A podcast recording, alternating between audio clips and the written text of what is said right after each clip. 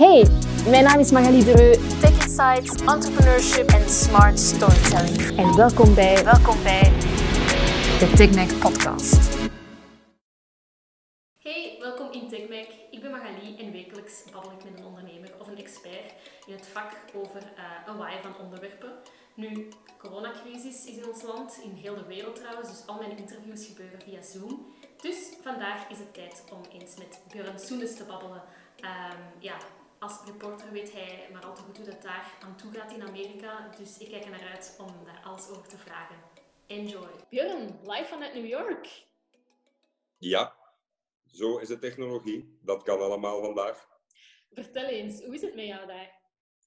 Oh, met mij is alles goed. Ehm, ik ben ehm, vol adrenaline. Ik wil vertellen over wat er hier allemaal gebeurt. Maar het is ook frustrerend, want ik kan niet overal gaan kijken. En, en in mijn beroep moet je normaal veel kijken, veel luisteren, veel horen, veel zien. En nu moet ik het van andere bronnen halen, eh, terwijl ik hier zit. Maar ja, eh, ik ben eh, een deel van het verhaal geworden. Hè. Ja, normaal correspondent bent en, en het nieuws verslaat en je staat daar buiten en je maakt je verhaal, ja, plots ben je zelf een deel van het verhaal. moet je jezelf veilig houden. En, ja hoe, hoe voelt het als journalist? Frustrerend ehm, en tegelijkertijd blij dat ik hier nu zit. Ooit toen ik naar hier kwam werd er gezegd, waarom zit je niet in Washington, daar gebeurt het allemaal. Ik heb het altijd gezegd toen van, ja, je geraakt daar niet bij. Je zit daar in een politieke hoofdstad, je zit in een bubbel. Terwijl in New York gebeurt er veel. Hier wonen alle soorten mensen, alle soorten kleuren, alle soorten volkeren. Hier gebeurt het, hier is Wall Street, hier is de financiële wereld, hier is de, de wereld van de armen. Hier zit alles van Amerika op een hoopje bij elkaar. Kijk, en nu is het het epicentrum van de corona-epidemie in, in Amerika. En ja, mocht ik nu naar België moeten, ik zou, eh, ik zou een beetje moeten huilen eigenlijk. Ja, ja, ja want, want je krijgt die vraag meermaals, hè, van waarom kom je niet meer terug naar België? Mensen Ja, ja. bijna als een gek om daar, om daar te Ja, zijn. Vertel Ik zit hier niet op straat rond te dwalen en, en eh, allerhande virussen in te ademen natuurlijk. Dus we houden het veilig. Het is natuurlijk steeds meer een probleem, omdat steeds meer mensen besmet worden. Het is een, het is een onzichtbare vijand. Je, je ziet hem niet op straat. En je weet ook niet, als je contact hebt met mensen, wie is wel en niet besmet. Misschien ben ik al besmet geweest, maar weet ik het niet. Eh, Ja. ik ken nog mensen, mijn buren zijn vertrokken naar, naar eh, het noorden van de staat met hun twee kleine kinderen. En ze, ze contacteerden mij gisteren en zeiden van ja, we zijn alle- allemaal besmet. Eh, maar we zijn erdoor, we zijn een week ziek geweest, die zijn niet geregistreerd. Dus al die cijfers die je hoort over het aantal besmettingen, geloof ze niet, want ze zijn allemaal ver beneden de echte waarde. Maar waar je echt naar moet kijken is het aantal doden. En dat is, dat is iets waar we de komende dagen eh, heel bezorgd over moeten zijn, dat het snel zal toenemen. Ja, je zegt eh, onzichtbare vijand, maar een meer zichtbare vijand is eh, Trump. Ehm, is het niet tegelijk ook, heel, heel voorzichtig, ergens goed nieuws, omdat de kans dat hij weer verkozen gaat worden, zal waarschijnlijk wel aanzienlijk dalen nu, nee? Ik moet eh, je laatste woord herhalen. Nee. Eh, want als ik kijk naar de, de, de opiniepeilingen, hij heeft nog nooit zo goed gescoord. Eh, je nu? De, ik, meen dat niet, dat zijn gewoon de cijfers. Ehm, dit is een heel bijzonder land. Iedereen zei toen hij verkozen werd, eh, wat een idioot, dat kan toch niet? En hij zal nooit herkozen worden en hij zal snel worden afgezet. Niets daarvan. Kijk, er is een, een, vast deel in dit land dat van hem houdt. En in Trumpland nu, op dit moment, eh, is de epidemie veel minder sterk in het eh, Middenwesten, op de, in het centrum van het land, in het zuiden van het land. Daar moet het nog beginnen. En Donald Trump geraakt met heel veel weg. Hij heeft het ooit gezegd, ik, op- ik kan op het midden van Fifth Avenue staan en, en weggeraken met moord. Ehm, wel, dat, dat lijkt erop. En hij heeft nu een nieuw communicatiemedium gevonden. Hij miste zijn rallies, hij kan niet meer naar zijn kiezers toe, hij kan geen arena's meer vullen, maar nu heeft hij zijn dagelijks persmoment waarin hij de natie toespreekt. En dat is een kijkcijferhit. Dat is eh, populairder dan veel soaps. En ehm, daar leeft hij van, van tegenstellingen, van mensen die hem haten om wat hij zegt.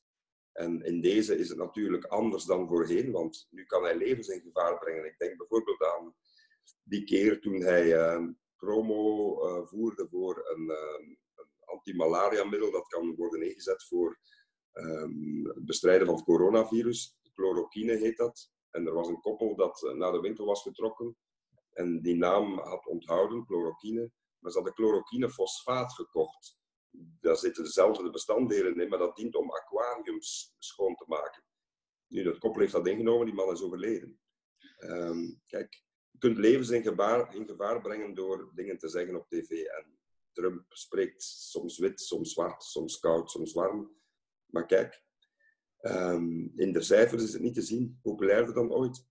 Ja, denk je dat, denk je dat dit, heel dit fenomeen, Trump en coronavirus en uh, natuurlijk ook de, ja, de zorgverzekering, werkloosheid, uh, gevolgen, zijn helemaal anders dan bij ons. Denk je dat dat in uh, de States voor meer solidariteit en samenhorigheid zal zorgen, of eerder voor polarisatie en mensen die meer ieder voor zich redeneren?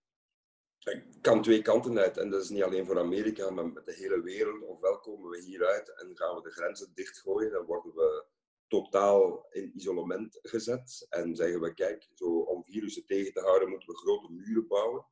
En moeten we het vliegverkeer beperken en uh, mensen niet meer toelaten. Of je zegt het totaal omgekeerde en zegt van, we moeten nu juist meer samenwerken, want we kunnen alleen maar samen gezond blijven door de crisis samen aan te pakken, internationaal samen te werken enzovoorts. Maar je ziet dat de eerste reflex in heel veel landen, ook in België, ook in Europa, kijk naar de Europese Unie, de grenzen worden weer opgetrokken. Het is ieder voor zich. Het slechtste en het mooiste in de mens kan naar, naar, naar buiten komen. Maar um, ik vind dit niet de ideale situatie. Um, het lijkt op een groot experiment, maar we weten nog niet hoe die wereld er zal uitzien. Maar er komt zeker een post-corona-wereld. Dit is een echte breuklijn. Dit is zoals de muur in Berlijn die viel. En we, we werden toen allemaal optimistisch, maar we weten nog niet wat de, de coronamuur zal veroorzaken en wat deze epidemie zal veroorzaken. Gaat dat internationale handel beperken? Gaat dat mensen bang maken om nog te reizen, om nog andere mensen vast te pakken, om ze intens te ontmoeten? Het zijn allemaal vragen waar we nu mee zitten en waar we het antwoord nog niet op kennen, omdat dit is nog niet uitgevoerd. Hoe belangrijk vind je het om in, of hoe moeilijk eerder vind je het in zo'n situatie eigenlijk om, om echt ja, objectief als journalist te blijven? Want als Belg, je ziet daar schrijnende scenario's. Uh, je hebt ook familie die nog thuis zit. Uh, ik las dat je zoon uh, zelfs in de frontlinie zit, mm -hmm. thuis werkt. hoe moeilijk is het voor jou om, wanneer een, een situatie zoals deze, zoals een virus, iedereen treft, om dan echt de objectie objectieve journalist te blijven? Wel, ik denk dat, dat iets dat we altijd moeten hanteren is koelbloedigheid. Uh, kalm blijven in stresssituaties. Uh, we hebben niks aan uh, paniekhazen in dit beroep, denk ik. Want dan kun je niet meer op een normale manier werken. Dat is niet gemakkelijk, maar ik kan dat. Ik heb daar genoeg ervaring mee. Het is een soort, wat ze in de psychologie noemen, dissociatie. Alsof je blijft kijken naar je onderwerp en niet je onderwerp binnenpakt, maar er blijft naar kijken als materie om te behandelen. Zoals een, een, kunstenaar klei heeft om, om tot een beeld te maken, zie ik wat er gebeurt als een soort klei die ik kan gebruiken om mijn verhaal te vertellen. Zelf hanteer ik het, uh, het motto van uh, Joan Didion, dat is een van mijn favoriete schrijfsters. Die woont in New York, die is intussen 85 jaar. En die zei iets moois. Ze zei, in order to survive, I need to tell stories. En dat is wat ik doe. Verhalen vertellen. Mochten ze mij nu zeggen, je mag niks meer maken, je moet daar gewoon zitten, niets doen en gezond blijven, dan zou ik zeer snel uh, ongezond worden. Ja. Ik heb dat nodig. Mijn geestelijke gezondheid wordt gevoed door het vertellen van verhalen, door wat ik hoor en zie neer te schrijven, te vertellen op de radio, te vertellen op tv. Dat soort dingen. Um, ja, er komen hier alle soorten uh, urgents uh, binnen. Dus, dus ik denk natuurlijk aan mijn thuissituatie. En, maar ja, ik kan daarover treuren en zeggen ik wil terug. Maar in België is het ook geen ideale situatie op dit moment. Um, en er zijn moderne communicatiemiddelen. Je kunt bellen, je kunt Zoom gebruiken, je kunt Skypen, je kunt uh, Messenger gebruiken, je kunt sms'en sturen. Dus contact is er wel, maar ik ben zelf een, een fysiek iemand, dus ik mis dat wel. Hè. Ik was van plan om eind april naar België te gaan. Ik ging een nieuw boek uitbrengen. Dat boek is uitgesteld. De boekvoorstelling is uitgesteld voor een bepaalde tijd alle afspraken die er waren om lezingen te houden, mensen te zien, met familie, um, ja, feestjes te, te, hebben, allemaal voor een bepaalde tijd uitgesteld. En dat is het lastige. Er is, ik leef van deadlines. en van vaste momenten in de tijd waar je dingen doet. Maar hier is geen tijdslijn. Dit is een tijdslijn, we zitten erop en we weten niet wanneer we de afslag kunnen pakken. Ja, dat ervaar ik zelf ook als het, uh, als het, moeilijk, moeilijke, het moeilijkste zelfs. Want je zegt van, hey, ik ben ook een mensenmens, uh, ik hou van fysiek uh, contact. Um, je zei ook van in een van je verslaggevingen dat je merkt dat de Amerikaan nu ook veel minder materialistisch wordt en meer menselijk. Um... Wel, is uit noodzaak natuurlijk. Is uit noodzaak. Ik hoor wel al tegenberichten, want één keer zo'n zo quarantainetoestand twee weken, drie weken duurt. Ja, mensen moeten niets doen om hun uh, zenuwen in bedwang te houden, om hun energie kwijt te kunnen, want er is heel veel energie in mensen. Energie om dingen te doen, dingen te zien, dingen te horen, uh, ja, iets, iets, te beleven. En je ziet dat er, dat er nu al uh, online ja, waarschijnlijk veel impulsieve aankopen zijn. Ehm, mensen die zeggen, ik moet mijn tijd doorbrengen, ik zal dan maar mijn nieuwe nieuwe paar schoenen kopen dat nu in de aanbieding staat. Dus materialisme is niet weg, maar het zou een bijproduct kunnen zijn als dit afloopt, dat mensen zeggen van eigenlijk hebben we niet zoveel nodig. En dat kan ook de economie natuurlijk fors beschadigen. Nu is het totaal ineengestort, de economie, maar misschien zeggen mensen hierna, eigenlijk is dat wel gezellig om thuis eten te maken. Dat hebben we nooit eerder gedaan. Veel Amerikanen koken nooit. Nu doen ze dat wel, uit noodzaak. En misschien gaan ze minder op restaurant, maar als iedereen minder op restaurant gaat, je hebt 300 miljoen Amerikanen die één keer per week zeggen we gaan niet op restaurant, ja, dan gaat die restaurantsector bloeden.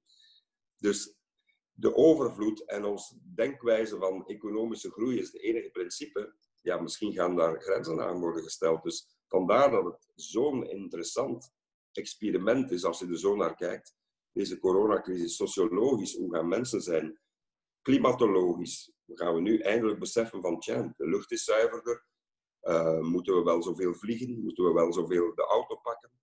Um, al dat soort dingen, psychologisch ook, hoe, hoe, is dat samenleven voortdurend? Uh, Jeff Vermassen zei in de tijd altijd in België, de meeste moorden gebeuren in verlengde weekends. Mensen gaan naar hun werk, ze hebben een relatie, en als het verlengd weekend is, iedereen zit dicht bij elkaar. Uh, maar dan komen ook de conflicten naar boven, de spanningen. Um, want samenleven is niet altijd even makkelijk. Dus al die dingen samen worden nu door één virus veroorzaakt. En we gaan zien waar dat toe leidt. Um, als journalist is dat super interessant om naar te kijken. Er zijn zoveel aspecten hier uh, om, om te bestuderen. Maar we zitten midden in een geschiedenis die zich afspeelt. En de conclusies trekken is, is veel te vroeg. Maar ja, kijk, journalistiek is altijd, zegt men, een kladversie van de geschiedenis. Ja, in ieder geval, allee, het is geen geheim dat ik u uh, bewonder als, uh, als journalist. Um, maar dat gezegd zijn, zijn er ook natuurlijk heel veel journalisten die fake news uitbrengen. En er zijn heel veel dingen waarvan nu naar boven komt, hij is eigenlijk wel waar en klopt dat. Ik had er net nog zelfs een discussie uh, op Facebook over uh, de Chinese markten die opnieuw vleermuizen aan het verkopen zijn. Uh, wat vind jij dat de echte rol van de media nu moet zijn? Je moet altijd verhalen vertellen, maar geen, geen fairy tales, hè? geen sprookjes. Maar er wordt heel veel vals nieuws verspreid met politieke doeleinden, bijvoorbeeld er is net een, een groot uh, noodplan goedgekeurd hier in Amerika van 2000 en miljard dollar, is gigantisch veel geld. En op conservatieve Facebook-accounts ehm, wordt dan verspreid dat er 25 miljoen is uitgetrokken om een loonsverhoging uh, toe te kennen aan congresleden. En dat wordt dan verspreid om de antipolitiek te voeden, om te zeggen, kijk wat de democraten doen tegenover de republikeinen, maar als je daar een factcheck op doet, die 25 miljoen zijn gebruikt omdat het congres niet meer kan vergaderen. Niet om een loonsverhoging toe te kennen, maar om materiaal aan te kopen, zoals wij nu gebruiken, om, om technologie in te schakelen, om vergaderingen virtueel te organiseren, pc's mee te geven aan, aan medewerkers. Maar kijk, ondertussen wordt dat soort verhalen verspreid en de factcheck komt daar vaak niet bij, want we zitten in echokamers. De dingen worden verspreid onder, onder gelijkgestemden, onder uh, mensen die al allemaal geloven dat de andere partij een slechte partij is. En daar maak ik me grote zorgen over. En niet alleen vandaag, dat is al jaren dat een, een stuk van ons werk nu bestaat uit het ontkennen of het weerleggen van zaken. dat heeft niks te maken met mijn mening, maar het factchecken zelf is een fulltime dagtaak geworden.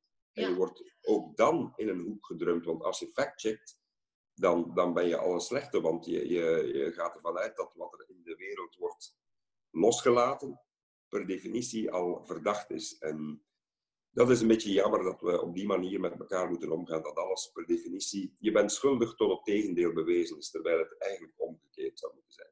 Ja, ja nee. Vertrouwen uh, tussen mensen is weg.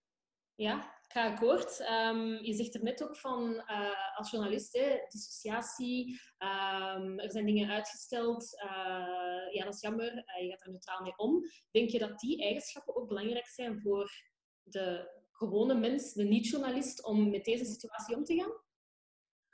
Wel, ik denk dat veel mensen een, een, een gewone... Kijk, de, de stresslevels worden aan de ene kant verlaagd. Mensen zijn thuis, hoeven niet in die red te stappen. Uh, s morgens uh, vroeg opstaan, de metro binnen, op kantoor, uh, rennen, vliegen, duiken en weer opstaan. Kind gaan halen van school, van de opvang, terug naar huis.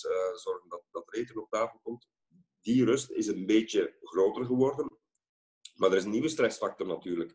Zeker in Amerika. Mensen weten niet hoe ze de eindjes aan elkaar moeten knopen. Uh, ze weten niet goed wat dat is, een leven zonder ontspanning. Want ze zijn gewoon om in het weekend naar de basketbalwedstrijd te gaan, of naar de honkbalwedstrijd, of naar de American footballwedstrijd, of naar een optreden. En muziek is belangrijk in het leven van de mensen. Ik zelf doe nu tegenwoordig elke dag uh, een paar dansjes met mijn vrouw hier in huis. Mensen hebben energie. Die, die, die, die, moet, ja, die moet je kwijt kunnen. Ik denk aan al die vrijgezellen hier in New York De Tinders van deze wereld hebben enorm succes nu, maar ja, je kunt niet afspreken, want je kunt besmet geraken. Dus ook de seksuele energie is, is, een, is een probleem op dit moment. En hoe langer dit duurt, ja, hoe meer spanningen er gaan ontstaan. Dus dat vraag ik mij ook nog af. Als, als dit een maand, of anderhalve maand, of twee maanden, of drie maanden duurt, zo'n lockdown-situatie, ja, mensen gaan zot worden. Ik merk het aan mijn buurvrouw. Als we die alles zien op de gang met, met twee, drie meter verschil, I'm going berserk, I'm going mad. Mensen moeten gelucht worden. Ja. Dat is eigen aan de mens. Een mens is, is, we zitten al, als het ware in een collectieve gevangenis. Hè. We zien de tralies niet, maar ze zijn er wel. Ja. En ja, dat is, dat is een experiment. Hè. En dan komt het beste en het slechtste in de mens naar voren. Dus uh, ik vind het soms een beetje een twilight zone waar we nu in leven. Van elke dag sta ik op en denk van, what kind of a world is this? Het is alsof alles leeggebloed is. Uh, we leven nog, we're, we're like walking dead. Een beetje zo. Uh.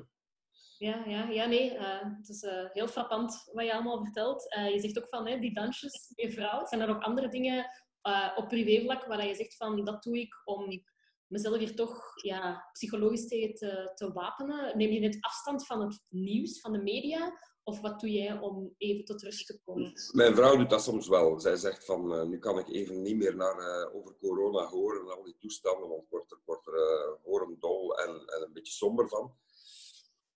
Ik, ik duik er toch diep in, want ik moet zo, zo breed mogelijk kunnen verslag uitbrengen. En ik probeer ook de verhalen te zoeken die niemand vertelt of weinig verteld worden waar ik ook triest van word. Ik had zo een verhaal wat ik hoorde um, van een ziekenhuis in Philadelphia dat leeg staat. En er is zo'n nood aan ziekenhuisbedden.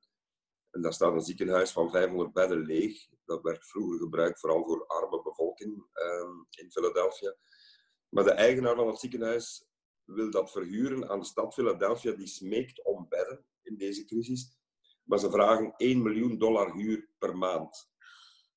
En die stad kan dat niet betalen. En die, die vastgoedmakelaar die zegt dan toch, uh, ja sorry, maar dat is de prijs. Ja. En daar kan ik niet goed tegen, tegen dat, dat.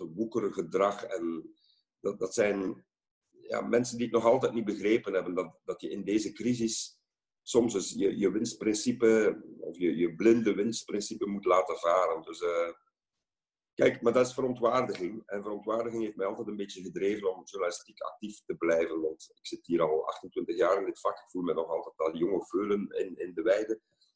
Maar verontwaardiging is iets wat, wat je kan drijven om, om, om de wereld beter te tonen en uit te leggen. En misschien een beetje beter te maken. Dat is dan het idealistische trekje dat je kan hebben uh, daarin. Is dat ook een van de redenen waarom dat je de GoFundMe hebt opgezet voor Patrick van Roosendaal, de stad? Ja, ik ben, ben op menselijk vlak heel impulsief. Als ik iets voel dat ik moet doen, dan doe ik dat. Ik ga daar niet te lang over nadenken. Ik ben geen wetenschappelijk ingesteld iemand die, die, uh, die dan uh, chicaneert en voor zijn tegens afweegt. Dan zou ik dat wel doen, maar als ik dat voor Patrick doe, moet ik dat dan voor iemand anders doen? Nee, het principe is hier. Is een kameraad van mij, dat is een maat van mij. Die zit in de problemen. Wel, ik start iets op. Kleine moeite, hele kleine moeite. GoFundMe, actie opstarten. Drie minuten is het gebeurd. Delen op sociale media en laten delen. Ja. En dat is voldoende. En je moet doen in je leven. Um, je kunt zeggen van, zoals ik veel mensen zag doen tegenover Patrick, je komt hier wel door, beste makker, jij kan dat. Ja, sorry dat ik het zeg, maar daar heb je geen bal aan. Uh, dat is mooi, hè? Dat is mooi. Iemand vastpakken en iemand steun geven, maar soms moet je het ook, uh, moet je, je portemonnee openmaken en, en mensen aanmoedigen. Ik heb dat toen ook gezegd bij die GoFundMe-actie van... Uh, als ik dat erop zette van vind ik leuks, die, die doen het niet. Uh, die, die gaan de rekening niet betalen. Je mag het leuk vinden, maar uh, vooral doneren. En wel nu. Ja, ja, en het, het, werkt, het werkt. Dus uh, ik denk dat Patrick nu al eh, wat centen verzameld heeft via die actie, waardoor hij toch de huur voor de komende maanden kan overbruggen. Dus dan denk ik, kijk, ik heb, ik heb er een goed gevoel bij. Hij, hij vindt het fijn. Voor de vriendschap is het fijn, dus Why not? Het is zeker een mooi gebaar. Um, nu, daarnet vertelde je ook van hè, het boek. Ik heb een boekvoorstelling. Waarover gaat dat boek? Ah ja, over Amerika natuurlijk. Het heet De lengte van een oceaan. De lengte van een oceaan. Het gaat over de afstand tussen mijzelf en mijn vroegere wereld. Maar het gaat eigenlijk vooral over Amerika. De lengte van een oceaan vind je overal. Je vindt die binnen Amerika. Amerika ligt ook tussen twee oceanen, de Atlantische en de Stille en al de contrasten die daar gebeuren. Het is een boek vol met reportages en bespiegelingen. Reportages van plaatsen waar ik geweest ben, waar ik verontwaardigd ben geworden. Chester, Pennsylvania, waar mensen in de buurt wonen van een vervuilende verbrandingsoven en aan een lot worden overgelaten. Mensen in Flint, Michigan, die uit, ja, van vervuild water moeten drinken. Dus het is een boek waarvan je zegt, kijk, er is coronacrisis, maar er is lots of uh, shit out there as well, die er elke dag is, en waar niemand uh, het land voor stillegt. De drugcrisis in het land, 200 doden per dag. We zitten nu nog niet aan 200 doden per dag, of ongeveer, bij de coronacrisis. En de samenleving wordt stilgelegd. Kijk, bij de drugepidemie wordt het gezien als deel van het bestaan.